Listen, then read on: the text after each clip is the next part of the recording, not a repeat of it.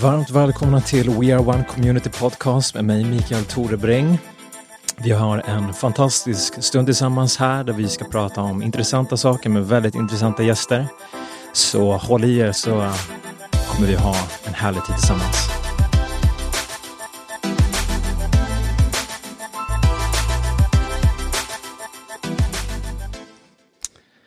Yes, härligt. Vi har eh, idag med oss två gäster och istället för att jag ska presentera er idag så vill jag att ni ska presentera er själva, vilka ni är och vad ni gör för något. Paolo Sabra heter jag, 28 år gammal, är eh, med i ledarskapet i den här församlingen, jobbar som politisk sekreterare i Sundbybergs kommun åt Kristdemokraterna och eh, ja, är gift med min underbara fru Gloria. Yes, Gloria Abraha heter jag. Jag är också med här i församlingen och är med i ledarskapet, älskar den här församlingen. Och på fritiden så pluggar jag till lärare. Mitt nya yrke, blivande yrke. Superkul. Kul. Verkligen. Härligt. Så kul att ni är här också idag. Och jag känner er också, ni är fantastiska människor, härliga eh, och har så mycket att dela med er idag tror jag verkligen. Så det ska bli jättekul att få spendera den här stunden tillsammans med er. Men innan vi drar igång här så tänkte jag bara jag vill, jag vill dra ett skämt faktiskt. Okay. och det är faktiskt inget skämt som jag har kommit på själv, utan det är så att min femåriga grabb, han, eh, han har börjat uh, bli komiker. Han har sin mm. comedy act varje kväll när vi ska äta mat. Nice. Uh, och han sa bara ett sånt roligt skämt som jag aldrig hört förut. Så att, uh, jag tänkte dra det med er. Så det här är, det här är till Aron. Shoutout. Exakt. så det går så här. Vad kallar musen sin motorcykel? Vad kallar musen sin motorcykel? Mac Air. Va? Mac Air? Vänta, vad kallar musen sin motorcykel? Uh, muscykel? Nej. Okej, okay, är ni beredda? Mm. Ostbåge.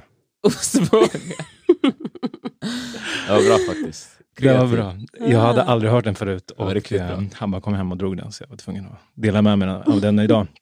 Yes, men eh, vi ska inte sitta här och bara dra skämt idag, eh, utan vi ska tala om ett otroligt intressant ämne tror jag, mm. som jag tror är väldigt relevant och jag tror det är många som eh, tycker att det är intressant att lyssna på om det.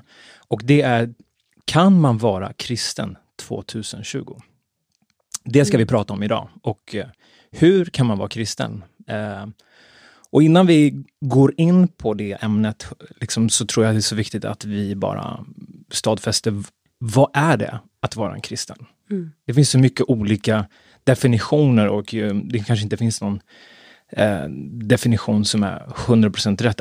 Liksom alla kyrkor, alla samfund kanske definierar det på, på olika sätt. Men mm. om vi kollar lite på vad, vad Bibeln säger eh, är en kristen. Men vi vill också först och främst höra, vad, vad anser ni det är att vara kristen? Jag tänker ju på apostlagärningarna när eh, Jesus lärjungar, alltså de första som blev kallade för kristna, eh, de blev kallade för kristna för att människor runt omkring dem tyckte att deras liv efterliknade Jesus Kristus.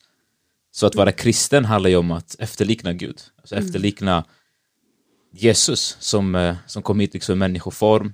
Mm. Och vad innebär det? Jo, men det innebär att man älskar Gud, att man älskar Gud först, eh, men också sen älskar sin näste. Mm. Precis som man älskar sig själv. Alltså att man, man älskar människor, man sätter inte sig före andra. Eh, liksom kortfattat, sen finns det ju, man kan gå in mycket mm. djupare. Jo, men jag tänker samma, alltså att man man vandrar i Jesu fotspår. Mm. Alltså allt det Jesus gjorde, att man är beredd på att göra samma sak för människor. Eh, att lägga ner sitt liv, eh, att eh, vara en, liksom en hjälp, en extra hand eller en, en liksom vandra med människor eh, och bara vara en, ett stöd i livet. Jag tror det det. Jag tror också att, att vara kristen, det är ett, eh, ett pris att betala.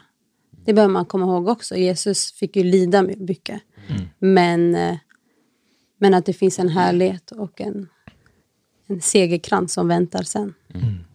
Verkligen. Nej, men för det här, jag tror det finns ett väldigt brett liksom, synsätt på vad det är att vara en kristen idag. Vissa Mm. kanske tänker, ja men jag är kristen för att jag går till kyrkan, Mm. eller jag är Mm. kristen för att jag eh, har vissa värderingar. Och liksom innan vi går in på det här ämnet så vill vi bara etablera, vad är det att vara kristen? Och det är precis egentligen som ni säger. Eh, och det vi tror på i Wow Church, det är att, att när man är kristen så tror man på att Jesus är Guds son. Eh, han var inte bara någon känd filosof eller en historisk person. Eh, men sen också att man tror på Bibeln. Och precis som du sa Paulus, man är en följare av Jesus. Man följer honom för att bli lik honom. Eh, och det första budet som Gud gav i de tio Guds budord, det är att man ska älska Gud av hela sitt hjärta, av hela sin själ, och av allt man är och även älska människor. Så liksom det är den, den grunden vi står på idag när vi pratar om det här ämnet och, och vad det är. För att ibland så möter man ju personer som, eh, när de får reda på att man är kristen, så, så säger de så här, ja men, eh, ja du är religiös. Och jag har alltid så svårt att koppla till det, för att jag känner mig inte religiös. Och jag tror också det är en sån, sån sak att jag, jag personligen ser inte min tro som en religion, Mm. utan mer som en relation. Eh, och det är det här vi ska tala om den här dagen och jag tror det kommer vara väldigt intressant. Oavsett om du tror på Gud, inte tror på Gud, om du går i kyrkan eller inte går i kyrkan. Och du kanske till och med har massor med frågor. Liksom, vad, vad håller ni på med? och varför gör ni det ni gör? Så eh, jag vill börja med att bara fråga er, hur länge har ni varit kristna? Jag har ju vuxit upp i ett kristet hem där vi har trott på Gud, trott på Jesus. Eh, men jag skulle säga att, att jag tog mitt egna beslut att bli kristen och börja följa Gud eh, 2016. Ja, 2016, så fyra år sedan. Och för dig Paulus?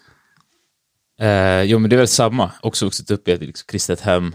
Ehm, kanske lite mer ja, men, liksom, religiöst. Man har vetat om att ja, men, Gud finns, jag tror på Jesus. Liksom, Jag har använt mitt kors. Eh, liksom, gått i söndagsskola och så. Men precis som Gloria nämnde så tog jag mitt egna beslut i början på 2016. Ehm, det är då jag skulle kalla mig, eh, eller det är då jag blev kristen. Det var då jag liksom började gå i Jesu fotspår, eh, som vi talade om i början. Och vi tre, vi kommer ju från eh, både olika, alltså vi har vuxit upp i tre olika kulturer. Och visst Paulus, du, din familj har haft en katolsk inriktning om jag förstår rätt. Ja, exakt. Eh, ortodox katolsk inriktning. Eh, jag gick i en katolsk kyrka när jag var yngre.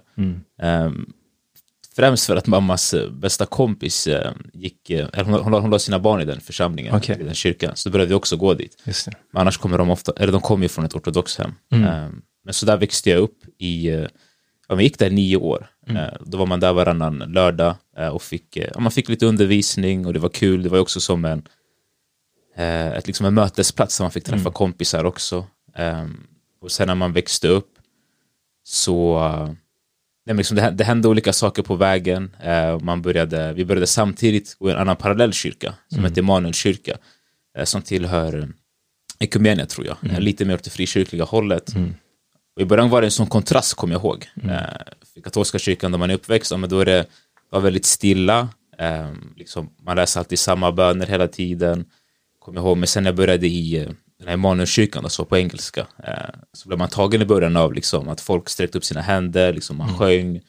Det var inte eh, religiös i den bemärkelsen att man kom till en liksom maffig kyrkbyggnad eh, liksom med massa bilder på, på Jesus och sånt. Det var, en, det var en, lo- en fin lokal. Eh, med liksom stolar uppradade, väldigt simpelt och enkelt. Eh, men jag var fortfarande inte kristen i den bemärkelsen att jag gick, som gick i Jesu fotspår. Eh, jag brukar alltid säga till människor att hade du haft en kamera på mig liksom, under den tiden i mitt liv, liksom, någon som filmade, som spelade in liksom, hela mitt liv, du skulle inte kunna se om jag var kristen, om jag var liksom, otroende, om jag var eh, liksom, jude, muslim eller liksom, you name it, whatever. Eh, det enda som visade att jag var kristen det var att jag faktiskt gick till en byggnad där man kanske tillbad Gud och att jag hade ett kors på mig. Eh, men det, det förändrades ju sen när, när, vi, när jag verkligen valde att följa Jesus för fyra år sedan. Då. Just det. Och du, eh, kom ju, Gloria, kom ju från en mer ortodox bakgrund. Precis. Växte upp eh, i en ortodox kyrka. Och där var det mer att man gick för att hela familjen gick. Det var inte mina egna beslut, liksom. nu söndag morgon, nu går vi till kyrkan, utan det, det är bara så vi hade lärt oss. Varje söndag går vi till kyrkan, vi går med hela familjen, man klär på sig snyggt, man fixar upp sig, nu ska vi gå till, liksom, till kyrkan. Um, och det var ju så det var för mig. Mm. Så jag gick ju, alltså för att mina fam min familj tog med mig dit. Mm. Just det. Och jag är ju uppvuxen i frikyrkovärlden. Mm. Jag gick till och med på en, en förskola som heter Löfteslandet. okay. Min förskola hette Vitsippa. Vitsippa, ja. Jag kommer inte ihåg vad min hette. Nej. Nej men det är intressant ändå för att vi kommer från um, olika religiösa bakgrunder, man ska säga mm. så, eller kristna bakgrunder, men även kulturella. Mm. Eh, Paulus, du har ju eritreansk, eller Etiopien, mm. ja, och du har Syrian. syrianskt och jag har liksom svensk kultur. Så mm. Jag tycker det är väldigt intressant att sitta och prata om, om våra resor. Liksom. Mm. Och här sitter vi idag eh, gemensamt med att vi verkligen tror på Jesus och mm. har fått våra liv förvandlade med Jesus.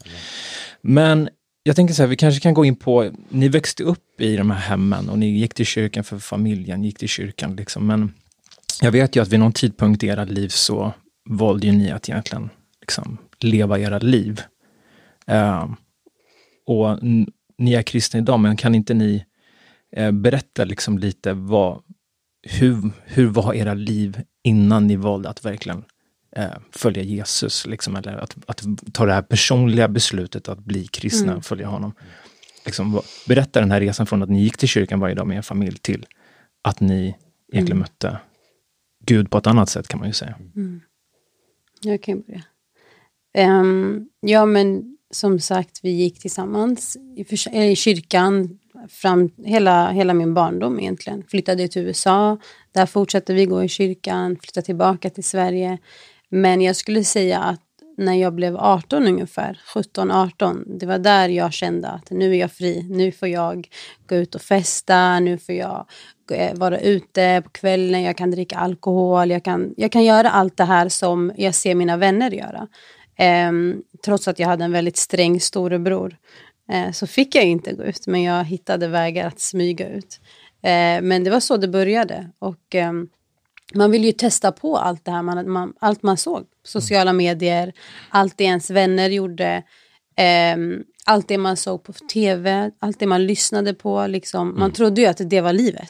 Var ute och festa, alla längtade ju till det. Att nu, nu får jag komma in på klubbarna, nu får jag liksom, ja, men kanske dricka alkohol eller jag kan testa på det här. Mm. Eh, man trodde ju att så här, när jag kommit dit, då kan jag börja leva. Man brukade ju mm. säga så, när jag blir 18, då börjar livet. Mm. Eh, men så var det ju absolut inte. Eh, jag levde så i ja, men ett, två år tror jag. Och sen tröttnade jag. Jag tröttnade på det livet. Jag och mina vänner, vi var ute varje helg. Och liksom, jag jobbade varje dag. Jag gick på gymnasiet, tjänade mina pengar, jobbade på ett café. All, allt jag tjänade slösade jag på min outfit inför helgen. Mm. Alltså jag har inte en enda krona sparad från den tiden. Eh, och eh, så pågick det i typ ett, två år ungefär. Till slut så så tröttnade jag. Mm. Jag sa, är det, här, är det här livet? Mm. Gud vad tråkigt, är det ja. det här vi lever för? Att bara jobba, slösa sina pengar på liksom alkohol, kläder, klubbar och sen går man vidare. Mm. Eh, så jag tror där, och samtidigt när jag känner den här äh, avsmaken och att jag tröttnade på det, eh, så fick vi då kontakt med kristna vänner som mm. då också gick i en eh, frikyrka. Och jag tror det var där det vände. Mm. Uh, ja, men typ när jag, när jag var 19 år. Det var Just då jag tog emot Jesus och det var mitten av gymnasiet. Mm. Du tröttnade liksom på hela livsstilen? Och... Ja, jag var så trött mm. på det. Sa, det här vill jag inte leva för. Nej. Alltså det måste finnas någonting mer. Det måste finnas någonting mer att göra än bara det här. Mm. mm. Hur var det för dig Paulus?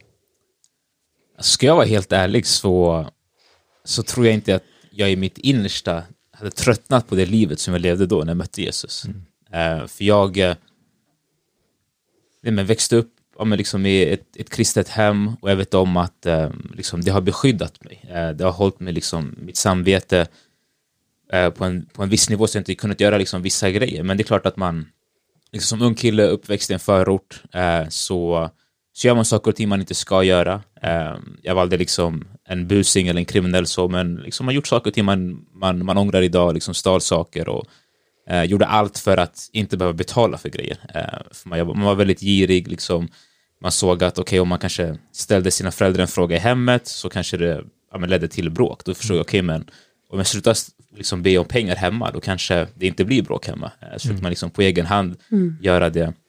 Jag nämnde tidigare, liksom, ett exempel var att jag brukade stjäla miniräknare från eh, mina klasskamrater på gymnasiet. Mm. Eh, det var så grafiska miniräknare. Jag tänkte, vem, ingen i förorten kommer lägga 6, 7, 800 spänn på dessa miniräknare. Jag gick i en liksom, finare svensk skola, inom parentes. Liksom. Eller, så brukade jag ta från i min klass och så gav jag till, eller sålde liksom, till folk i förorterna. Mm. Eh, tänkte jag med en Robin Hood, liksom, ta från de rika, ge till de fattiga.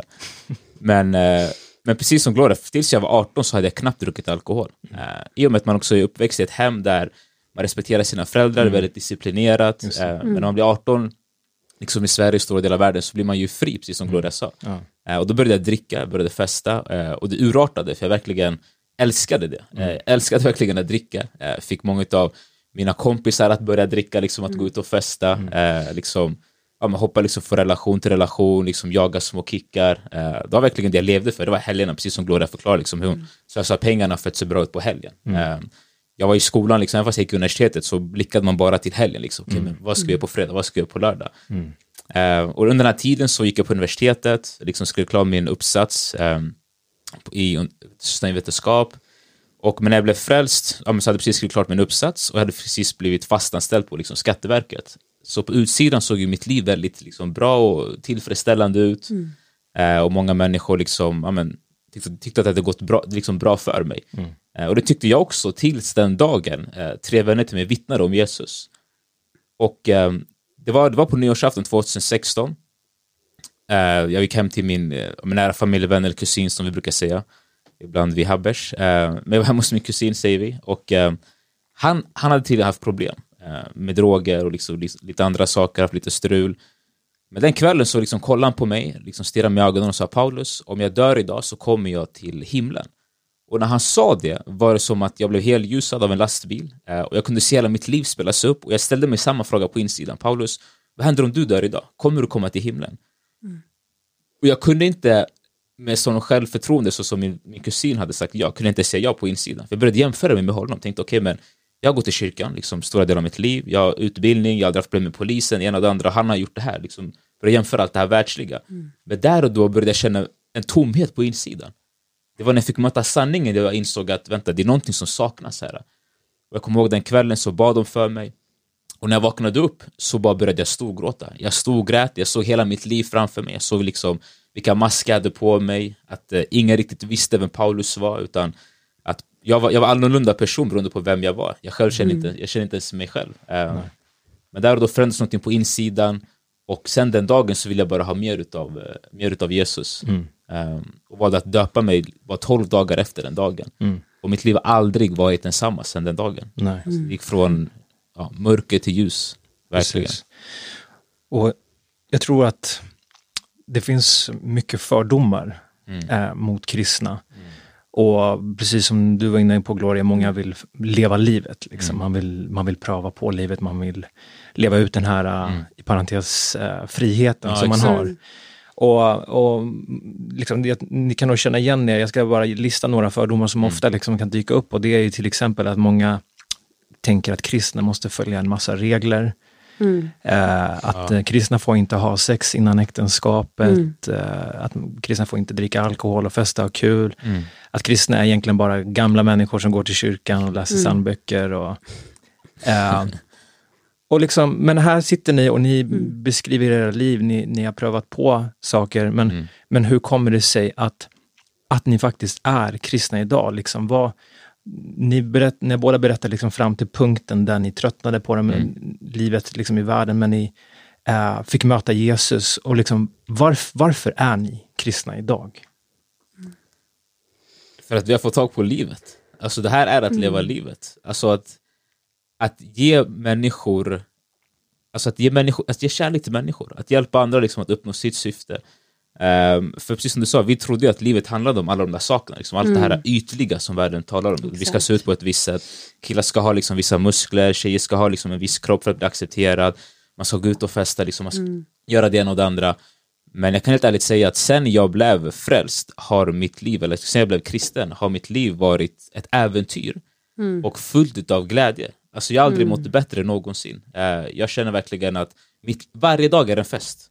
Jag behöver inte längta tills helgen längre, det är klart man längtar till söndagens gudstjänster. Men varje dag är en mm. fest. Och jag menar, mm. alltså hade, hade det här livet inte varit bättre än det gamla, jag hade inte varit kvar. Alltså jag och mm. Gloria hade inte suttit Exakt. här idag. Vi hade inte gett vårt liv liksom, till, eh, till församlingen och till Gud om mm. det gamla fortfarande var bättre. Exakt. Vi, liksom, vi har fått smaka på båda delarna. Och mm. smakade den där frukten mycket godare, jag hade fortsatt tugga från den där frukten. Mm. Men den vi har idag, den är mycket bättre. Eller vad säger du älskling? Jo, men jag känner samma sak. Alltså, jag känner ju att jag fick en större frihet av att komma till Gud. Mm. Alltså jag får leva, Verkligen. jag får vara mig själv. Jag behöver inte liksom leva upp till vad människor vill. Eh, jag behöver inte se ut så som alla andra kanske ser ut. Jag behöver inte anstränga mig för att passa in i olika sammanhang. Utan jag kan bara vara mig själv. Så jag känner ju att med Gud är jag fri. Jag känner mig inte fri eh, då, utan det kändes som att det, det är det här livet man lever. Mm. Om man är en cool tonåring, ja då festar man på helgerna. Det, är det. det fanns inga andra alternativ. Mm. Jag känner att med Gud, har jag, jag känner att hos Gud har jag blivit fri. Mm. Det är där jag känner, jag, jag älskar det livet jag mm. lever idag. Och varför? Jo, men det är för att jag får hjälpa människor. Mm. Jag får hjälpa människor. Alltså vad, vad finns det för större glädje mm. än att se människor må dåligt och sen hjälpa dem i sin liksom, tro och sen så går det bra för dem i livet. Mm. Att se människor liksom som är nedbrutna, har ångest, se dem glada, lyckliga. Mm. Och det är inte för att ja, men kanske någon fick mer pengar på kontot, nej det är för att de har fått en relation med Gud. Mm. Det, det har ju, alltså varför jag lever med Jesus, det är för att jag har, jag har fått se så mycket. Jag har fått se så mycket som, det, det, alltså man hittar inte det någon annanstans. Mm. Man hittar inte det någon annanstans. Och att, och att ens gå tillbaka till det gamla livet, det är inte ens ett alternativ. Alltså den där bron brände vi länge sedan. Mm. Det, there's no going back. Va, mm. vad är det vi ska gå tillbaka till? Mm. Eh, så jag, jag bara älskar det här livet och därför gör vi allting för att människor ska få tag på det här. Mm. Mm. Det är därför, för att människor ska få tag på den här glädjen vi har fått, Verkligen. på den här friheten vi har fått. Och eh, det betyder inte att våra liv har blivit perfekta bara för att Jesus kom in. Nej, men nu får vi leva med Jesus. Han är med oss i mm. båten. Även när det är tufft så är Jesus med. Mm. Och när det är bra är han också med. Så det är bara enklare, enklare att leva livet med någon som hjälper dig. Och det är Gud, han vill vara den i våra liv. Mm. Så jag älskar mitt liv. Och det är inte för att det är perfekt, utan det är för att jag har Jesus med mig i båten. Mm. Nej, men jag, jag känner ju till er berättelse, er resa och um, jag vet att det har inte alltid varit enkelt heller. Mm. Utan att ni, när ni väl tog beslutet att lämna en destruktiv livsstil eller, mm. eller liksom en religiös livsstil där det inte liksom kanske var levande på samma sätt så eh, ni var ju tvungna, ni gjorde ju till och med slut vid ett tillfälle. Mm. Eh, och ni hade en lång resa liksom, till mm. det, vart ni är idag. Kan inte ni bara berätta från början, liksom, för det, det har ju varit en resa, liksom, mm. från det att ni fick möta Jesus som vi mm. brukar säga i mm. kyrkan. Och, och vad innebär det att möta Jesus? Vad innebär, vem är Jesus för er? Hur fick mm. ni möta honom? Mm. Och hur har er resa varit från den punkten? Mm. Jag tänker ju på från när du berättade att du vaknade upp den dagen efter din kusin, mm. när de hade vittnat för dig. Under den här perioden var ju vi tillsammans och hade varit tillsammans i ett halvår kanske. Eh, jag såg ju hans förändring. Och det var ju det som också fick mig att öppna upp ögonen eh, och också bli intresserad. Det här var alltså innan du själv hade? Ja, ja. precis. Eh, jag såg ju bara att dagen efter var han förvandlad. Det här är inte Paolo som jag har varit tillsammans med i ett halvår. Han vill inte träffas, han vill inte gå ut och klubba på helgen. Han ville knappt liksom, att jag skulle komma hem till honom. Han förbjöd mig att komma hem till honom. Ignorerade mina sms. Varför gjorde han det? För att han... för de som lyssnar så de förstår. Alltså, det var ju Alltså som du säger, när, när, man möter Jesus så förstår man, okej okay, men nu handlar det inte om att göra det jag själv vill och känner, mm. utan det handlar om att liksom göra det Gud vill. Mm. Och jag vill inte jag ville inte att de skulle komma hem till mig för då visste jag att vi skulle, om vi skulle göra saker och ting vi inte, jag inte ville göra längre. Mm. Jag, jag, visste om att eh, man ska inte vara inti, inti, liksom den här intima delen var någonting som Gud vill, eh, vill bevara liksom, inför ett äktenskap.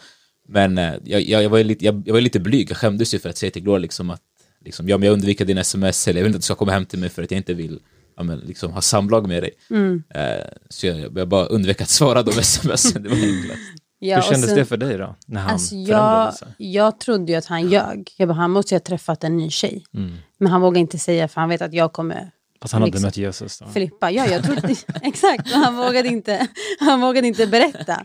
Men han kanske sa att det var Jesus, men jag hade ju inte någon erfarenhet av att det är så det går till när man möter Jesus. Så jag bara, he's lying, that's not Jesus. Jesus would never take away my man. Alltså förstår du? Så, så jag först trodde att han ljög. Men sen så, hans handlingar visade ju att, att nej men det stämmer, någonting har hänt. Eh, så Ja, men det kändes jättejobbigt i början. Att, eh, han, att han försökte liksom distansera sig ifrån mig. Det var ju hur jobbigt som helst. För jag älskade ju honom. Jag ville vara med honom, jag ville vara nära honom. Eh, men det var, ju, det var ju början på våran upprättelse, skulle jag säga. Alltså våran början på en, en ny relation. Alltså en relation som Gud vill ge oss, som Gud ville välsigna oss med. Men eh, sen gick det lite tid och eh, vi kom in i församlingen, vi kom in i wow-grupper, vi fick wow-ledare. Det är de här små bönegrupperna som vi har här i församlingen.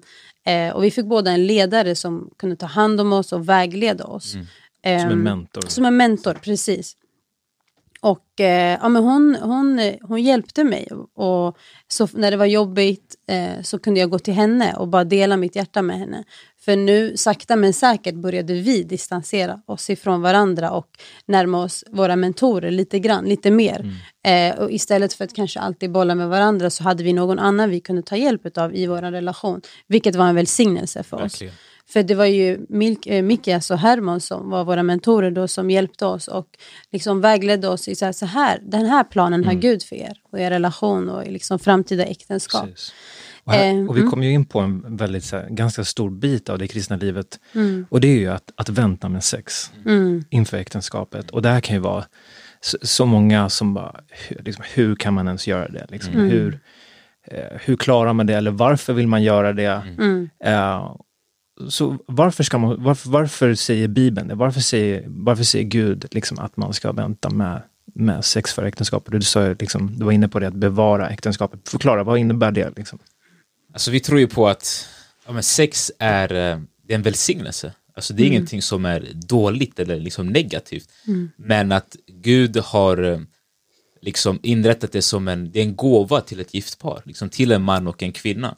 För det som händer när man, när man har sex är att det är inte bara liksom att man kopplas fysiskt utan även andligt. Alltså man, man, eh, man får en relation med den personen. Eh, och det är därför man kan se hur jobbigt det är för ja, människor som är relationer som kanske eh, inte är i relation längre. Det kan vara jobbigt för dem att liksom separeras, att delas. Eh, jag, jag kommer ihåg det bästa liknelsen jag fått höra liksom, på varför eh, Gud vill att vi ska vänta med sex är ju pastor Daniel Munoz berättade en gång på Love Day, så här temadag, vi hade en alla dag här, där han gav liknelsen på sex och eld.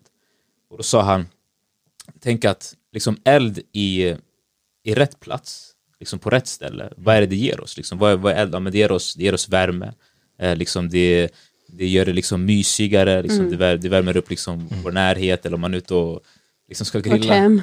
Och så hade det värmt upp vårt hem.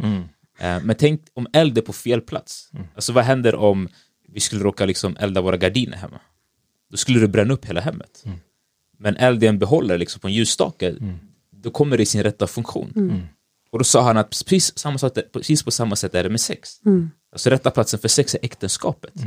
För där, där kan det komma, där kan det liksom nå sin fulla potential, precis som Gud har sagt att det ska göra. Liksom. Det kommer med den här intimiteten, liksom. det, det, det finns en välsignelse. Men med sex utanför ett äktenskap, kommer inte bara, det bränner inte ner ett hem, men det kan bränna ner din, din själ på insidan. Alltså skapa inre sår. Och det gör även att du distanserar ju dig själv också ifrån Gud. Alltså, För det är det också handlar om, att kristna var Jesu liksom efterföljare. Det handlar om att leva utifrån liksom vad han tycker, eller vad, vad, vad Gud och Guds ord säger är rätt, och inte vad man själv. Och det var det som var svårt för oss i början. Eh, för även fast Gloria liksom skrev till mig, det är klart det fanns en del i mig som kanske ville svara henne. Men det blev, var en kamp på insidan i mig, liksom, mellan mitt kött och liksom anden. Köttet, liksom, mitt, mitt begär, det här behovet som jag hade. Ehm, och jag kommer ihåg, jag bara tänkte på, du frågar liksom, men folk kan tänka om hur kan man hålla sig från sex? Jag kommer ihåg när jag klev av bussen när jag bodde hos mina föräldrar, klev av i Hallonbergen, Och en av mina vänner, eller, eller bekanta grannar, han, um, han såg att när jag och Gloria sa hej då, hon gick och kom var på samma buss. Mm. Då kramades vi bara. Jag tror inte ens vi pussades, vi kramades bara. Och så kliver jag av bussen och kommer han efter mig så här, Paulus, Paulus, typ. Så jag bara, vad händer? Han bara, han bara bror, han bara, han bara vänta, pussar du inte ens din flickvän typ? Mm. Så jag bara, jag bara nej. Så han bara, va? Han bara, han bara, hur? Han bara, hur kan du klara det? Han bara, hur kan du inte liksom pussa din flickvän? Mm. Så jag bara, men jag kramar bara. Han, han förstod inte det här. Mm. Och jag bara, men och jag förklarade liksom, för han visste om att liksom inte hade sex eh, mm. innan äktenskapet, men för honom blev det så här, pussas ni inte? Och mm. för oss liksom, hade vi satt upp principer att mm. ja, vi, vi, ska inte ens pussas, för för oss var det liksom, det kunde tända elden liksom, på fel mm. sätt. Eh, så det varierar liksom från person till person.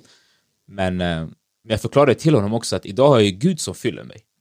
Ja, innan var det ju Gloria som fyllde mig. Mm. Därför behövde jag Glorias närhet. Därför mm. behövde jag Glorias liksom, den här fysiska intimiteten. Mm. Men idag har jag den intimiteten med Gud varje morgon. Mm. Så när han fyller mig, då, har inte, då fanns inte samma behov av att bli fylld av Gloria. Mm. Men det är klart, om man är på fel plats i fel tid, liksom, då kommer man att känna behovet av den här fysiska intimiteten. Mm. Och det är därför liksom Gloria talade om våra mentorer, hur viktiga de var för oss. Först Micke och Aida, men sen också, nej, Micke och mm. Herman, förlåt. Mm. Och sen eh, pastor Shab och till gester. Jag tänker även på alltså, regler. Ja. Du frågade liksom, hur är det ens möjligt? Mm. Det är ju inte möjligt om du kommer fortsätta att göra exakt det som du gjorde tidigare. Mm. Utan man måste förstå att vill du leva efter liksom Guds vilja, då kommer du behöva göra uppoffring. Mm. Du kommer behöva offra grejer, du kommer behöva göra annorlunda saker för att få ett annorlunda resultat. Mm. Och det förstod vi att okay, men vi kan inte bara liksom leva precis som vi gjorde innan och förvänta oss att nu kommer vi liksom få kraft att göra nya saker. Nej, mm. du kommer behöva sätta upp regler, du kommer behöva sätta upp principer för dig själv och din, din kille då som du är i en relation med Eh, för, att jag, för att nå det du vill nå. Mm. Liksom, vill, du se ett, vill, du, vill du uppnå någonting, då behöver du ju mål för att komma dit. Och på samma sak är det i det här. Vill du uppnå någonting med Gud, vill du komma till en position med Gud, då behöver du sätta upp principer. Hur ska jag hamna där? Så vi, behövde, vi pratade ihop oss och skrev upp olika principer som var för oss personliga. Och, det här var liksom vårt förhållningssätt, mm. exakt. alltså principerna. Så att det bara blir tydligt. Liksom att, okay, mm. men ett konkret exempel var ju, okay, mm. vi ska inte ses efter klockan nio. Mm. Liksom, punkt. Mm. Uh, Okej, okay, vi ska inte vara hemma hos varandra när, någon är, när ingen annan är hemma. Vi ska inte vara ensamma liksom, i ett rum eller i ett hem. Mm. mm. För visst om att om vi kompromissar med de här principerna, mm. då kommer vi att liksom att, amen, då kommer vi kanske ha sex, mm. vilket vi inte ville. Mm. Så vi förstod att de här principerna vi behöver leva efter mm. är för vårt bästa. Exakt. Exakt. Och det är precis, eh, du är inne på exakt någonting som jag tänkte på Gloria, att mm att många kan tänka sig att kristna livet handlar om regler och liksom mm. måsten, men mm. jag tror liksom att vi, vi tror att när vi har frihet att göra vad vi vill, att vi, att vi är fria på riktigt. Fast mm. det är verkligen inte så det funkar. Liksom om man bara kollar på hela, hur hela universum är uppbyggt. Mm. Allting förhåller sig till någonting. Allting är styrt av, av någon form av ramar som säger mm. liksom, det här går, det här går inte. Mm. Och liksom um, ta bara trafiken som till exempel, tänk om mm. alla skulle få åka hur de ville, mm. åt vilket håll de mm. ville, på vilken sida de ville, mot rött, gult eller mm. blått. Liksom. Det skulle vara fullständigt kaos. Mm, och vi tror att på samma sätt så har vi, jag tror verkligen att Gud har skapat regler och eller ramar. Och när vi lever i de ramarna så får vi sån stor frihet mm. för våra liv och vi, vi får också glädje. För att vi är i vårt rätta element. Och, och idag så liksom utvecklingen i världen går till att liksom, man vill bryta upp äktenskapet, mm. man ska kunna vara gift med hur många som helst. Mm. Och det är här liksom också vi som kristna tror jag, att vi, varför vi väljer det här livet är för att mm. i Guds ramar, i hans ramverk för mm. hur vi ska leva, det är där vi får som frihet. Mm. Och liksom anledningen till att du från början valde liksom att eh, stänga ut henne, det var ju också för att du värdesatte henne så mycket. Mm. Att du vill inte skada henne, mm. du vill inte skada er relation. Och, och liksom det här var ju bara också första delen av er resa, för sen fortsatte den. Mm. Eh, och kan inte ni bara fortsätta berätta? För att ni mm. kom ju till och med till en punkt där ni valde att, att till och med göra slut och ta en paus. Mm. Liksom. Kan inte ni bara berätta därifrån? Vi valde att gå bibelskola här i församlingen och det var det bästa beslutet vi kunde ta, verkligen. Först ville inte Paulus, eller inte att han inte ville gå, men han hade precis fått ett nytt jobb, eller hur? Du fått en anställning på något IT-bolag, eller hur? Mm, mm. Ja. Eh, så jag skulle gå själv. Men sen kom några vänner till oss från församlingen som också var ett par och de sa nej, ni måste gå tillsammans. Du kommer inte förstå vad som händer med Gloria om du låter henne gå själv för hon kommer förvandlas det här året. Du måste gå med henne. Så vi valde i alla fall att gå bibelskolan eh, och då började vi första veckan. Jag hade bara en längtan att Gud, jag vill offra någonting för dig det här året för att det här ska få bli det bästa året av mitt liv. Berätta, vad betyder det att offra någonting? Ehm, då sa jag så här, Gud vad vill du ha från mig? Alltså vad finns det i mitt liv som kommer före dig? Det var det jag frågade Gud under de här tre, vi hade tre bönedagar under bibelskolan i början. Och eh, då, då frågade jag Gud, så här, Gud finns det något i mitt liv som du vill att jag ska ta bort? För jag hade lärt mig att Gud behöver ha första platsen i mitt hjärta. Och då frågade jag bara Gud. Eh, och jag kommer ihåg att Gud sa vad jag skulle offra. Och han sa Paulus. Men jag ignorerade Guds röst och sa nej Gud, inte det. Någonting annat. Vad som helst, men inte Paulus. Så kommer jag tillbaka dagen efter och så har vi bönen igen och så frågar jag Gud en gång till. Okej okay, Gud, jag ställer dig frågan en gång till. Vad ska jag offra? Då hör jag namnet Paulus igen. Och så ignorerade jag för jag var så här, Gud, du vet ju att jag inte kommer offra Paulus. Så say something else. Tredje dagen kommer och så frågar jag Gud, Gud, nu ger jag dig sista chansen. Nu får du säga till mig, vad ska jag offra? Och så hör jag Paulus igen. Och då, då bröt jag bara ihop. Alltså jag bara började gråta. Jag satte mig ner och bara förstod varför Gud ville ta Paulus. För jag förstod att Paulus har den första platsen i mitt hjärta. Och då, alltså han hade den första platsen i mitt hjärta och det betydde att att jag var beroende av Paulus. Jag var beroende av den relationen vi hade och det var inte okej för Gud. För att Gud ville ha den platsen i mitt hjärta. Paulus kommer aldrig kunna tillfredsställa mig så som Gud kan. Och jag vill att Gud ska ha den platsen i mitt hjärta. Eh, och jag, jag förstod när, när, när Gud sa Paulus, då förstod jag att jag vet varför han säger Paulus. Det är för att Paulus har den där första platsen. Och efter lektionen så gick jag till Paulus och bara grät och sa vi måste göra slut. Gud vill inte att vi, du ska ha första platsen i mitt hjärta. Och, men det, var, alltså det bara kändes så rätt. Det var, men det var jobbigt. Det var verkligen det. det var, jag brukar säga att det var det värsta som jag har gått igenom. Men det bästa beslutet jag kunde ta. Eh, och det, ja, men det pågick i typ 8-9 månader ungefär. Och vad hände sen? Eh, vad hände sen? Jo, vi eh, Gjorde slut. gjorde slut. Exakt, jag kommer ihåg att det var... Jag menar, när hon kom fram till mig så eh, någonstans så kändes det, det kändes ju rätt. Liksom, det här var, att det var, det var rätt tidpunkt, var rätt att göra. Hur länge hade ni varit tillsammans då? Då hade vi varit tillsammans sedan 2015 sommaren, det här var 2017 hösten, så lite mer än två år. Eh, nästan två och ett halvt då. Mm. Men jag kommer ihåg att jag gick upp då till min wow-ledare och berättade för honom och liksom bara grät och han bara liksom, ja, han bara tacka gud att, eh, liksom att det här kommer nu och liksom inte senare. eh, liksom väldigt tydlig och jag förstod inte då riktigt vad han menade men sen fick jag förstå, precis som Gloria sa, liksom, att även fast det här kanske var en av de jobbigaste perioderna så blev det också den bästa perioden i vårt liv. Eh, där vi verkligen fick lära känna Gud på djupet. Och det som hände under den här per- perioden, liksom, det, det var ju, alltså, vi, vi gick i en wow-grupp då. Eh, Och vi ville ha egna wow-grupper. Liksom. Eh, men det var jobbigt för oss, liksom, vi fick aldrig se eh, människor komma till liksom, våra cellgrupper eller mentorsgrupper som, eh, som vi kallar dem för.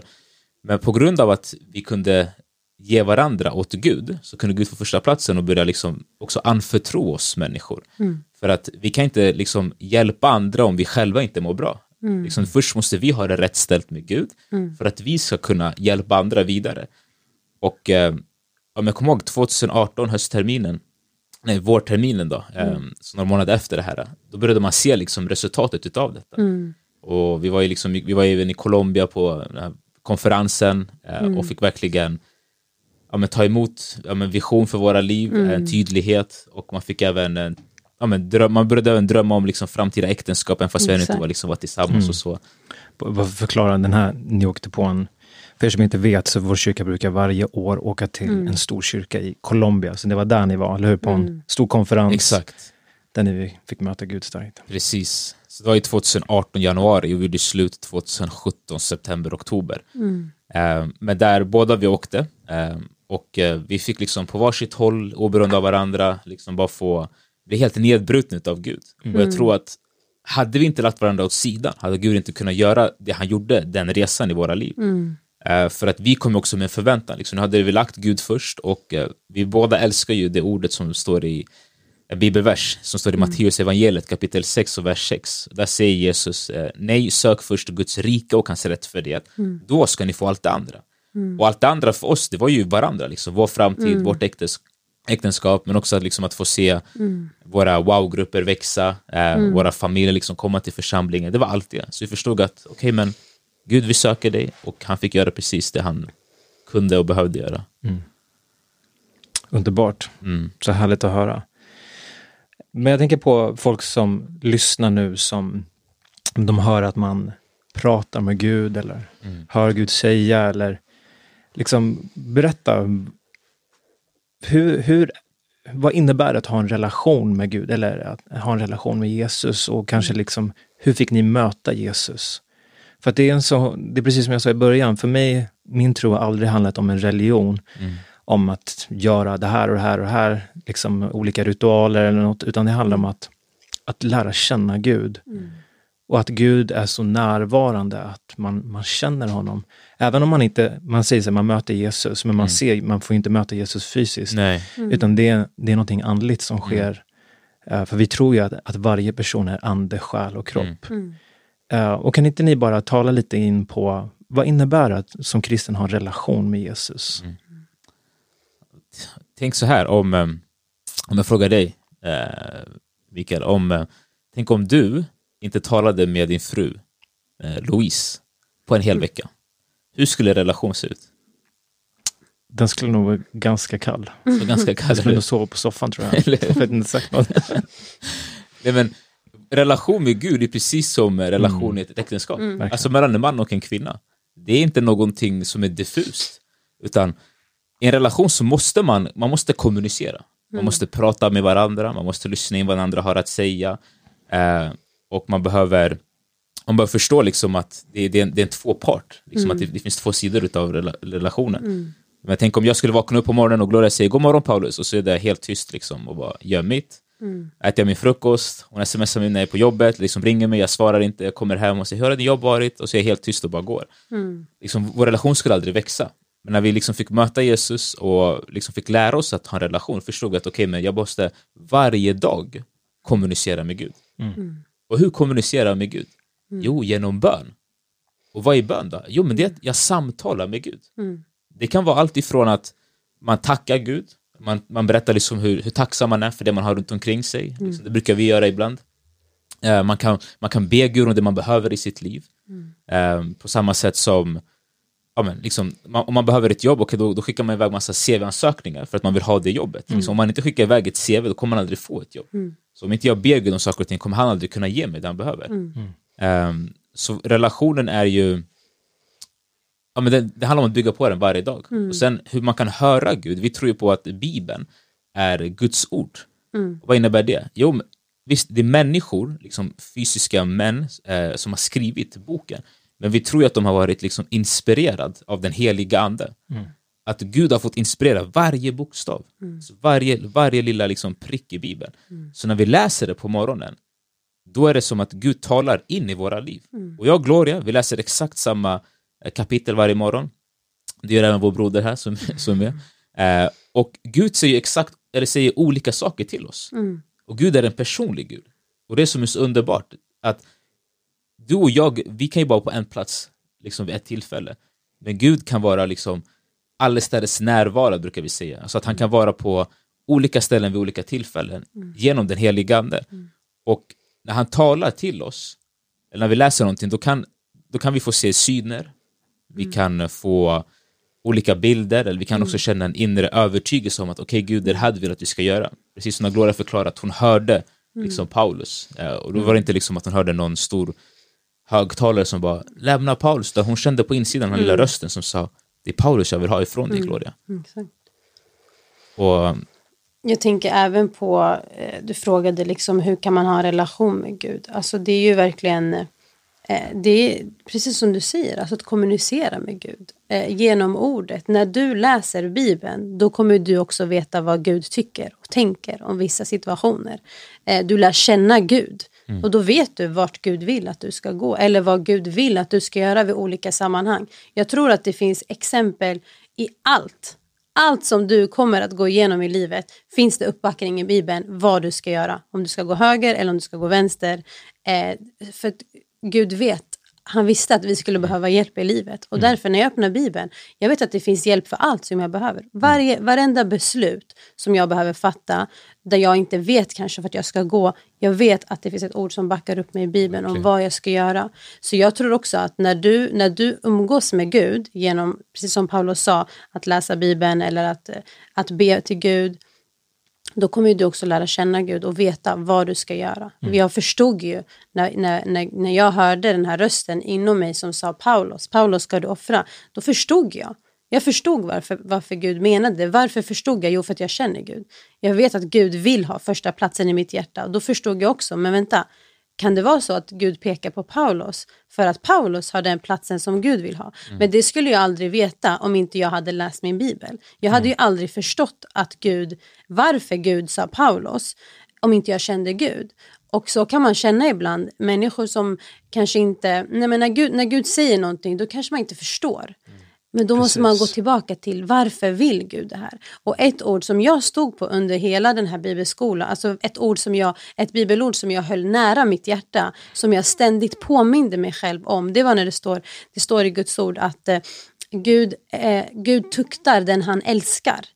Och det betyder att Gud, Gud ville forma mig, inte för att plåga mig i mm. första hand, för det var plågsamt att vara ifrån killen jag älskade och hade varit beroende av i två och ett halvt år. Det var plågsamt, jag grät nästan varje dag. Men jag fick förstå och gå tillbaka varje dag till att vänta, Gud gör det här för att han älskar mig. Mm. Han vill hela mig, det är därför han gör det. Han tar ifrån Paulus ett tag bara för att han älskar mig. Mm. Han vill hela mitt hjärta, han vill ta första platsen i mitt liv för att jag sen, sen, i framtiden ska kunna vara den frun som Paulus förtjänar. Och det är en fru som är beroende av Gud och inte av honom. Och idag får vi njuta av ett välsignat upprättat äktenskap på grund utav det offret. Mm. Hade inte vi tagit de där nio månaderna eh, ifrån varandra hade vi inte haft den relationen vi har idag. Aldrig i Nej. livet hade vi inte haft det. Precis, och det, det, är det som jag tror är så enkelt att man, när man hör liksom att du var tvungen att offra Paulus och göra mm. slut med honom, då kan man enkelt tänka, men varför är Gud så ond för? Liksom? Du älskar ju honom. Mm. Men jag tänker, liksom, jag ser ofta Gud som en pappa som är mm. så kärleksfull. Jag är själv pappa till tre barn nu. Mm. Och om min son, om han vill lägga handen på spisen när jag kokar makaroner, mm. ska jag vara så här, ja men om du vill det min son, gör mm. vad du vill, lägg Exakt. handen där. Men Gud, han är ju precis på samma sätt, han vill mm. beskydda oss. Det står i Bibeln att hans vägar är mycket högre än våra vägar, hans tankar är mycket högre än våra tankar. Mm. Och vi kan inte alltid se slutet på allting, men Gud kan alltid göra det. Och, och jag tror liksom när man hör på er resa att att det kristna livet handlar verkligen om tro. Mm. Att våga lita på Gud, våga lita på att han vet bäst. Mm. Och jag tror det är därför många kanske brottas, många kanske vill vara kristna. Många vill mm. säkert leva det livet och då tar de beslutet som de vill, men man är så rädd att man ska gå förlorad om någonting verkligen. eller gå miste om något. Um, och jag, jag, kan känna igen mig så mycket själv i, i mitt liv i många situationer. Um, och era, er story fortsätter och den är ju, det händer ju otroligt mycket och jag är säker på att det kommer finnas fler tillfällen där ni kommer få dela mer om vad som händer, för det händer mycket mer och ni har en mm. otrolig resa bakom mm. er till vart ni är idag. Och jag frågade ju här, er här innan varför ni är kristna och, och ni beskrev liksom glädjen det ger er, att ni är lyckliga, att varje dag är en fest. Mm. Men jag vill också fråga er, äh, är, det, är det enkelt att vara kristen? Nej. Nej. no, it is not. Det är en kamp. Det är verkligen en kamp. För att det handlar om att, eh, som jag sa innan, alltså du lägger ner det du, det, det, det du tror att du verkligen behöver. Det du vill göra. Du, om du vill vara kristen, då handlar det också om att leva så som Jesus levde. Och det kanske inte alltid är det bekvämaste. Mm. Det kanske inte alltid är bekvämt att förlåta en person som inte förtjänar din förlåtelse. Men Gud har sagt att vi ska förlåta. Mm. Varför? Jo, för att det kommer sätta dig fri när du förlåter. Alltså mm. sådana här små beslut som Gud uppmuntrar oss till. Eh, det är inte alltid enkelt. Det är inte alltid enkelt att lägga ner sitt liv för människor. Men jag sa det även i söndags, att det är värt allt. Det är verkligen värt allt. Det är precis som du inledde med, alltså att Jesus fick ju lida. Liksom, han blev upphängd på ett kors. Eh, och liksom fick sina händer fastspikade sina fötter och liksom torterad. Och vi ska gå i hans fotspår. Och eh, det är klart, jag sa liksom att livet är en fest. Eh, och det är på något sätt kanske svårt att ta in samtidigt när vi säger att det är en kamp att följa Jesus. Liksom, För det är, så, det är som motsatta parter. Eh, men precis som du säger, det handlar om att, det handlar om att leva ett obekvämt liv. Alltså, att allt, alltså, inte, alltså att göra det andra inte gör. Alltså till exempel, precis som alltså att alltid välja liksom Guds vägar. Det är inte det som människor alltid gör ute i världen. Alltså det, är inte, det är inte det enklaste. Alltså det, det absolut bekvämaste valet kanske är att bara liksom, ja, men acceptera saker och ting. Jag talar om det idag med dig, eh, liksom att man inte får låta omständigheterna styra hur man lever. Mm, exakt. Eh, liksom, ett, ett exempel, bara häromdagen liksom hade jag en, en eh, lärjunge, en, en ung kille som går i min mentorsgrupp, eh, som skrev till mig angående en situation. Och, eh, och jag tänkte, jag, jag kunde ha svarat typ så, ah, men det är okej, liksom, det kommer att lösa sig. Men jag valde att, nej, jag ska säga sanningen till honom. Och jag sa till han, du måste förstå att du är över. Alltså det innebär att om du har Gud, du har Gud på din sida, så du behöver inte liksom vara rädd för att säga det du vill. Så jag sa till han, liksom att, ja, men, säg till din chef, liksom, det ena och det andra. Ehm, och eh, sen så liksom skrev han tillbaka och han tyckte att det var, att det var så obekvämt för när, han, när han fick mitt sms. Men samtidigt så skrev han att han var tacksam för det också. För att han blev väckt från sin bekvämlighet.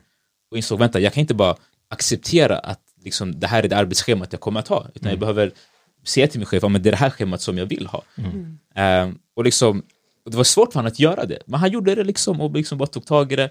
Och han liksom han tackade mig efterhand och bara Paulus, liksom, låt oss be tillsammans så att vi ska, jag ska få det här schemat som jag vill ha. Och det kristna livet handlar om att, ehm, om att liksom också förstå vem man är.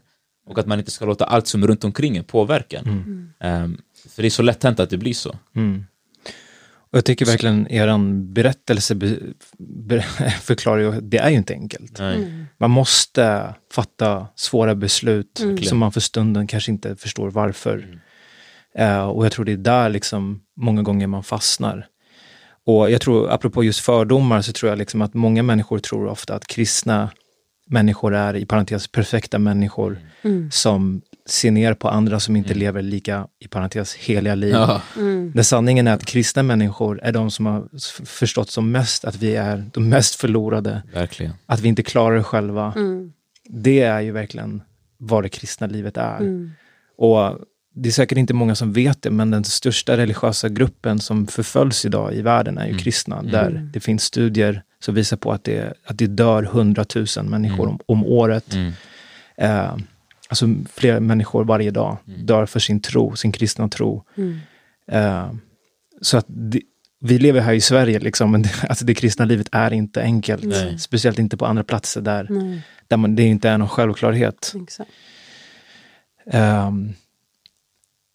Så jag tänkte att vi ska gå in och prata lite på liksom, vad, vad är de vanligaste utmaningarna, kanske som ni har upplevt personligen i era kristna liv, men också som ni kanske har sett, ni båda eller är sådana här mentorer kan man säga, eller ledare, ni, ni hjälper andra unga människor i sin kristna vandring och tro. Vad, vad, liksom, vad ser ni för utmaningar idag, också med tanke på att vi lever med corona, man träffas inte i kyrkan. Eh, vad vad liksom är, lista de fem kanske vanligaste utmaningarna som kristen? Vad skulle ni säga? Du kommer, bekväm, ja. vänta, jag tänkte på att du kommer väldigt många gånger bli- inte vara förstådd. Alltså många gånger kommer folk inte fatta varför du gör det du gör. Det är en stor utmaning som vi har fått möta på väldigt många gånger. Ja, 100%. minst sagt. Ja, och eh, liksom kommer fortsätta. Så det är bara att vänja sig att folk kommer inte alltid fatta var, varför du gör det du gör. Nej. Men så länge du gör det för Gud och du vet varför du gör det så du, kan, du klarar dig med hans uppbackning. Vad tänkte du säga? Jag tänkte säga bekvämlighet. Alltså att det är en, speciellt i de här tiderna är väldigt, det är en utmaning för oss kristna att man, man blir bekväm. Liksom att man, eh, man, man är isolerad, eh, eller många typ liksom är hemma, kanske läser skolan på distans, jobbar hemifrån. Det är lätt att man blir liksom en, en soffpotatis rakt av. Mm. Man, har, man har själv liksom känt av det liksom i början av våren när allt det här hände. Och det är ju det, som, som kristen ska man ju alltid liksom, man ska vara på tårna. Man ska mm. alltid sträcka sig utåt hela tiden. Liksom, mm. Alltid liksom söka andra människor eh, mm. för, att, för att kunna hjälpa dem. Eh, mm. Precis som vi nämnde tidigare här, att liksom andra budet som vi har fått ifrån Gud är att älska vår nästa. Mm.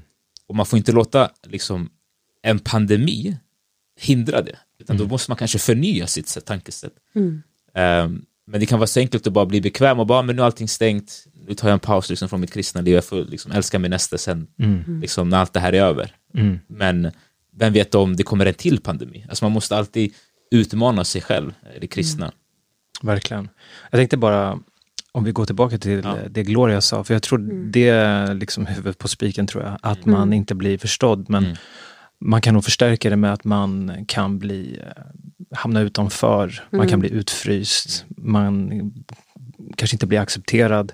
Mm. Det är någonting som jag har upplevt egentligen hela mitt kristna liv, mm. vart jag än varit.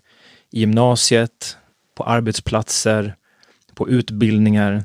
Att när, man, när de får reda på en, ah, men du, tror du på Jesus? Då, mm. då blir man direkt ett ufo. Mm. eh, och man, man hamnar lätt utanför. Men eh, liksom, hur hanterar man det? Du var, jag tror du var inne på det innan. Um, när vi umgås med Gud varje morgon, när vi ber, när vi läser vår bibel eller lyssnar på lovsång um, och förstår Guds kärlek till oss, alltså förstår att Jesus dog för oss uh, och Gud sände sin son för att han älskade mig. När man förstår den kärleken det bekräftar den. Alltså det bekräftar en till den graden att jag, det spelar ingen roll om ingen människa i världen älskar mig. Om du älskar mig Gud, om du älskar mig, om jag, liksom, Jesus dog för mig, för mina synder. Den kärleken fyller mig. Den bekräftar mig. Och varje dag brukar jag säga i min bön, tack Jesus att din kärlek, det, det är nog för mig. Det är tillräckligt för mig så tillräckligt att till och med om jag får möta på det idag, att jag blir of, liksom, om någon inte förstår varför jag gör det jag gör, eller om mm. jag blir illa behandlad, eller om jag får någon kommentar som inte jag kanske blir så glad utav. Den kärleken täcker. Mm. Den täcker allt det där. Den går före, den går över. Det, det är starkare än vad jag än kommer möta på. Mm. Så jag tror att för det kommer hända, precis som du sa, du har, mött, du har liksom stött på det hela livet. Mm. Jag tror att det kommer vara så. Mm. Det är, människor kommer inte förstå varför du gör det du gör många gånger, mm. men du kommer bli utfryst, du kommer bli liksom kanske, ja men, ja, prata, folk kommer prata om dig bakom ryggen, du är konstig, du är den enda på jobbet som kanske vill läsa din bibel på rasten, mm. eller I don't know, liksom vad du väljer att göra. Eller. Eh, men har du umgåtts med Gud på morgonen, har du läst din bibel, har du fått ta emot kärleken från Gud, då kommer du klara dig. Mm. Då kommer allt det där du möter på, det kommer inte ens röra vid dig. Mm. För du har fått din bekräftelse redan från mor på morgonen, så du behöver inte någon bekräftelse från någon annan människa. Nej. Det tror jag har varit min, min räddning. Mm. Ja, verkligen. Men sen tror jag att trots allt detta, alltså att man umgås med Gud och så, så, så är man ju en människa. Mm. Och ibland så kan ju ord verkligen kännas. Mm. Alltså den här påtagliga exkluderingen att människor sätter en i ett fack bara för mm. att man är kristen, liksom bara för att man går i den här församlingen eller vad det nu är. Men precis som du säger, man måste ju först umgås med Gud så att man får den här hårda pannan. Mm. Det innebär liksom att oavsett vad människor säger ska man bara kunna låta det rinna av en mm. och ha ett mjukt hjärta så att man också kan älska dem som hatar den. Mm. mm. Det är som Jesus utmanar. Men jag tror, även att, jag tror även att vi kristna har också ett ansvar, alltså att förstå att andra inte kommer att förstå oss. Mm. Bibeln talar om att liksom, vi har gått från mörker till ljus. Vi talar mycket om det, liksom att okay, men nu, nu ser man saker och ting på ett annat sätt. Och då behöver man ha förståelse för att människor som inte känner Gud mm. kommer ju aldrig någonsin kunna förstå oss. Mm. Det finns inte på kartan. Nej. I början förstod inte det här i min kristna vandring. Mm. Jag förstod inte att mina vänner runt omkring inte såg på saker och ting som jag såg. Mm. Idag gör jag det. Mm. Och det gjorde ju att jag kanske blev lite religiös. Mm. Alltså att när jag kanske var i en bil med mina kompisar så kanske jag uppmuntrade dem till att byta musik. Mm. Men det var inte så Gud mötte mig. Mm. Gud mötte inte mig första januari 2016 och sa Paulus, sluta lyssna på Drake. Mm. Eller sluta kolla på den där serien. Utan Gud mötte mig med min kärlek. Och varför måste vi älska tillbaka? Och eh, för det är bara, det är bara genom liksom kärlek vi också kommer kunna vinna människor. Och sen så tror jag att liksom, känner man sig exkluderad eller utanför, att man också ska man ska också våga stå upp för sig själv, men har man en, också en wow-ledare så kan man ha någon att bolla med också. Det är så viktigt. För det kommer alltid finnas människor som kommer att alltså, få dig att känna dig utanför, bara för att du är kristen. Det kommer alltid att finnas. Oavsett hur, hur duktig du är på det du gör eller hur älskad du är. Precis. Nej, men eh, jag håller med 100 procent. Och om jag också talar in lite i, i den här frågan, för jag tror den är nog väldigt, väldigt vanlig. Och jag tror det, liksom det första man behöver acceptera det är att man kommer aldrig passa in. Man kommer aldrig kunna titta på samma saker eller kanske skratta åt samma skämt.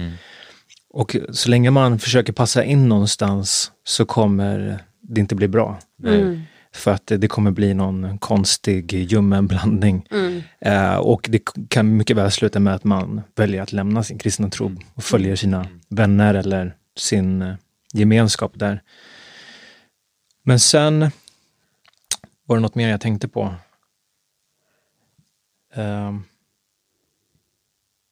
Ja, jag kommer inte på det. Strunt samma.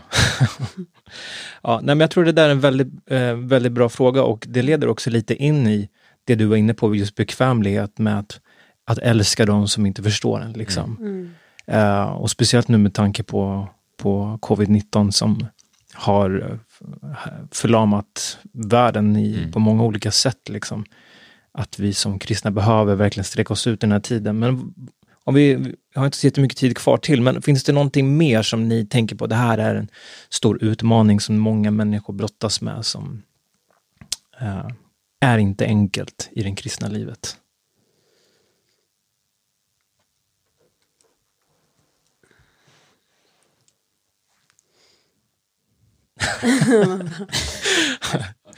Vi har kört på en timme här, man börjar bli lite seg i kolan här. Ja, det finns ju många utmaningar. Men jag tror att, ja, att egentligen lite som du sa Paulus, att livet är så, Jesus la ner sitt liv. Och han dog, han torterades. Och innebär det att alla kristna ska dö på ett kors och torteras? Det tror jag inte. Det kan innebära det. Men var, varför Jesus gjorde det var för att han la ner sin vilja. Han sa, låt din vilja ske, Fader, inte, inte min vilja. Och jag tror verkligen att det är det, jag tror det, det är en av de största utmaningarna. Verkligen. Att dö från sig själv. Verkligen. För allt i den här världen talar om att var, liksom, självförverkliga dig själv. Det handlar om dig, det handlar om, eh, om ditt, din framgång. Medan det kristna livet handlar om att lägga ner sitt liv, att egentligen dö från sig själv. Och när man dör, det är då man, man får liv. Och jag tror att Exakt. så när man inte har gjort den resan och vandringen och att, att man har faktiskt dött från sig själv, då kommer man aldrig heller förstå varför man är kristen. Nej. Varför man inte följer Jesus. Så sant. För att livet med, när man blir kristen, det behöver inte alltid direkt bli till det bättre. Utan det kan vara tufft, det kan vara motstånd, det kan vara smärta, det kan vara sorg. Men det kristna livet handlar också om livet efter det här livet. Och liksom, vad, min, min kristna tro har gett mig ett perspektiv av att förstå att livet vi lever här är så kort. Och allting handlar om evigheten, alltså när vi lämnar den här jorden. Verkligen. Och eh, jag har förlorat en syster som dog när hon var 25 år och liksom förstått innebörden av liksom hur skört livet är. Eh, och som ni också har gjort på olika sätt. Och vi ska börja gå mot avslutning här, men jag bara ge ett bibelord som Jesus ger till oss i Lukas kapitel 14, vers 27, där han säger så här, den som inte bär sitt kors och följer mig kan inte vara min lärjunge. Eh, just på det här om att, att vara kristen handlar om att bära sitt kors. Liksom när Jesus bar sitt kors, det var tungt, han var sårad, han var skadad, men han bar det. Men när vi bär vårt kors så kommer vi få den absolut största belöningen vi någonsin kan tänka oss. Och det är att vi kommer få möta Gud i, i evigheten och i himmelen. Verkligen. Och jag vill fråga er, det finns kanske personer som lyssnar den här dagen och undrar så här, hur blir jag kristen? Börjar jag gå i kyrkan eller liksom, var, vart börjar man någonstans? Hur, hur blir man kristen? Hur blir man frälst? Frälst är ett gammalt svenskt ord som betyder att bli räddad. Hur blir man frälst? Hur blir man räddad, alltså kristen? Man blir räddad, eller Bibeln säger att den som med sin tunga bekänner och i sitt hjärta tror att Jesus Kristus är Herre och uppstådd från de döda blir ju frälst. Men rent praktiskt så handlar det om att man i sitt hjärta, så det kan vara i sin ensamhet, man tar kontakt med en församling och säger liksom, jag vill börja, jag vill börja, jag vill börja lära känna Gud, jag vill börja lära känna dig Jesus. Eh, eller som jag sa, liksom, i sin ensamhet så kan man gå ner på sina knän och bara säga Gud, jag vill lära känna dig. Mm. Om du finns. Jesus, om du verkligen har dött och uppstått, då vill jag att du kommer in i mitt hjärta. Liksom, de här tre personerna som jag har lyssnat på nu en timme i podden, de säger att du lever och då vill jag verkligen att du visar det för mig. Mm. För Gud säger i sitt hjärta, om du söker mig av hela ditt hjärta, eller den som gör det kommer att finna mig, står det. Mm. Um, och sen skulle jag verkligen rekommendera att du hör av dig till Wow Church. Eller om du bor någon annanstans i Sverige där vi ännu inte finns, och vi kommer snart till hela Sverige. Så hör av dig till församlingen. Liksom, för du behöver gemenskap. Mm. Kristna livet handlar inte bara om ens egna relation med Gud, som vi har pratat mycket om mm. idag, utan också att man har relation med människor runt omkring mm. en. Liksom att man är gemenskap. Verkligen. Kyrkan, församlingen, är ju inte bara en byggnad, mm. som vi fått lära oss nu under coronapandemin, om inte man mm. förstod det tidigare, utan det är också gemenskapen. Mm. Liksom när det finns en eller två eller tre kristna, där är kyrkan. Mm. Och du behöver omringa dig med människor som har samma mål och vision som dig. Precis som eh, pastor Mikael här berättade, att ibland kan det vara svårt att liksom offra sina gamla vanor, men har du fortfarande människor i ditt liv som du umgås med dagligen, som inte vill dit du vill, mm. då kommer du att följa med efter dem. Så ibland så måste man lämna också någonting för att kunna få mer av någonting annat. Mm. Sen vill jag även trycka på att eh, alltså ibland, nu kanske folk tänker så här, vadå kommer allt ske på en dag? Kommer jag bara lämna allt på en dag? Kommer jag bara byta vanor mm. på en dag? Absolut inte. Nej. Det är ju en process med Gud. Mm. Jag tror att man ständigt är i en process med Gud. Vi lär oss nya saker idag. Mm. Jag lär mig nya saker om mig själv idag som jag vet att okay, vänta, den här delen av mitt liv just nu, det är ingenting som Gud uppskattar. Jag behöver mm. träna på det. Mm. Så du blir inte perfekt liksom, efter att ha bett den här Nej. bönen. Eller att ditt liv kommer bli, ja, men nu, är jag, nu, nu, är jag liksom, nu är jag kristen, nu kan jag, nu kan jag bara köra på mitt liv perfekt. Det, det är inte mm. så, utan det är en process. Men första steget är att släppa in Gud i ditt hjärta genom att mm. be den här bönen. Men precis som Paulus sa, att du kommer behöva gemenskap. Du kommer behöva eh, en ledare som backar upp dig, som vägleder dig, som mm. du kan ställa dina frågor till. För att du kommer ha frågor.